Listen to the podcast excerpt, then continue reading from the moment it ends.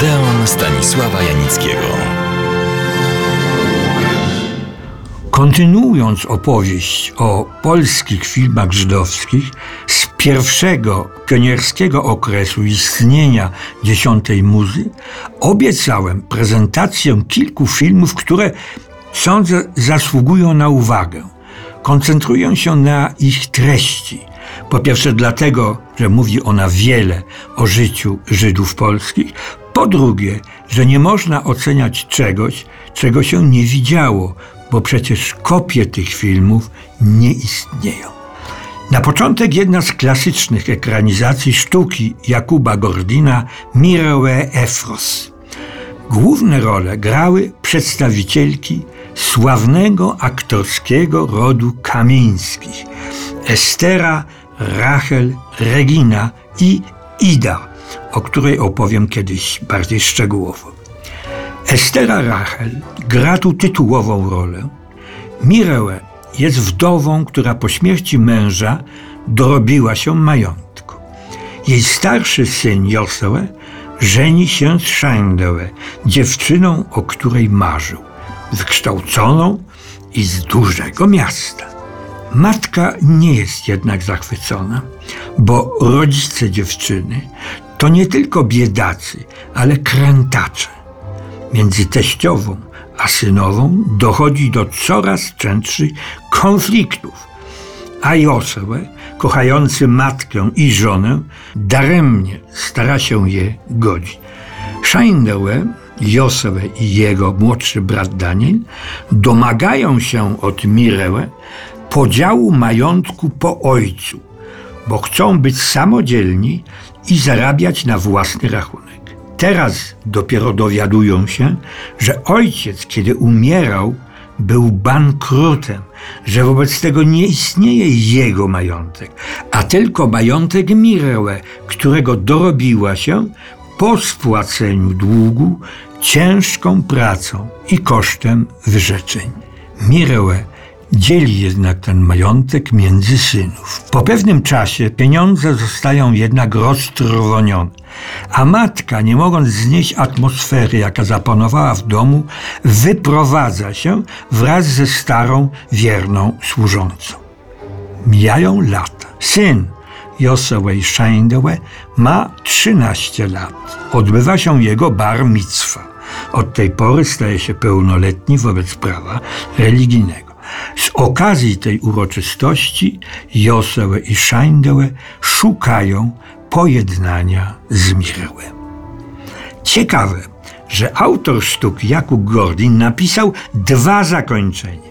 W pierwszym Mirełę pozostawała nieugięta, a sztuka kończyła się pełnymi rezygnacji słowami: Jestem już starą Żydówką.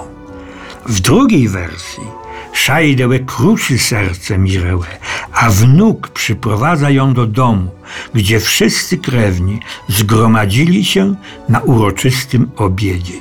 W rodzinie zapanowała radość i zgoda. Drugi film nosi tytuł Nieznajomy albo Miłość i śmierć. Akcja rozgrywa się na południu Rosji pod koniec XIX wieku. Po śmierci matki, bogatym 60-letnim kupcem, Szmulem oraz swym rodzeństwem zajmuje się najstarsza córka, Berta. Ładna, ale kaleka. Jest trochę garbata. O jej rękę stara się Bernard Zilberman, którego ojciec jest kierownikiem kantoru Szmula. Kiedy Bernard wraca z praktyki zawodowej w Niemczech, okazuje się, że zakochał się z wzajemnością w Idzie, młodszej siostrze Berty, i chce się z nią ożenić. Berta ciężko to przeżywa. Bernard i Ida pobierają się. Szmul zatrudnia niemieckiego inżyniera Lulisa. Miałby unowocześnić jego młyn parowy i zorganizować w nim pracę, ale natrafia na opór i niezrozumienie. Wiąże się natomiast z Idą, która mimo, że urodziła córkę, czuje się nieszczęśliwa w małżeństwie. Między Bernardem, wrażliwym niezbyt zaradnym, a Luisem, człowiekiem bez zahamowań i skrupułów, dochodzi do coraz częstszych nieporozumień, co przeraża Idę. Louis postanawia wrócić do Niemiec. Bernard, świadomy zdrady żony, doprowadza do bójki z Louisem, który proponuje, by los rozstrzygnął ich spór i prawo do Idy. Godzą się jednak i Louis odchodzi. Bernard zdaje sobie sprawę, że jego życie jest i tak już zrujnowane, bo nigdy nie zapomni krzywdy doznanej od Idy. Ale sam nie ma czystego sumienia. Wie, jakie cierpienia zadał Bercie. Nadchodzi list od Luisa, w którym przyznaje, że jednak miłość silniejsza jest od egoizmu i wobec tego odbiera sobie życie.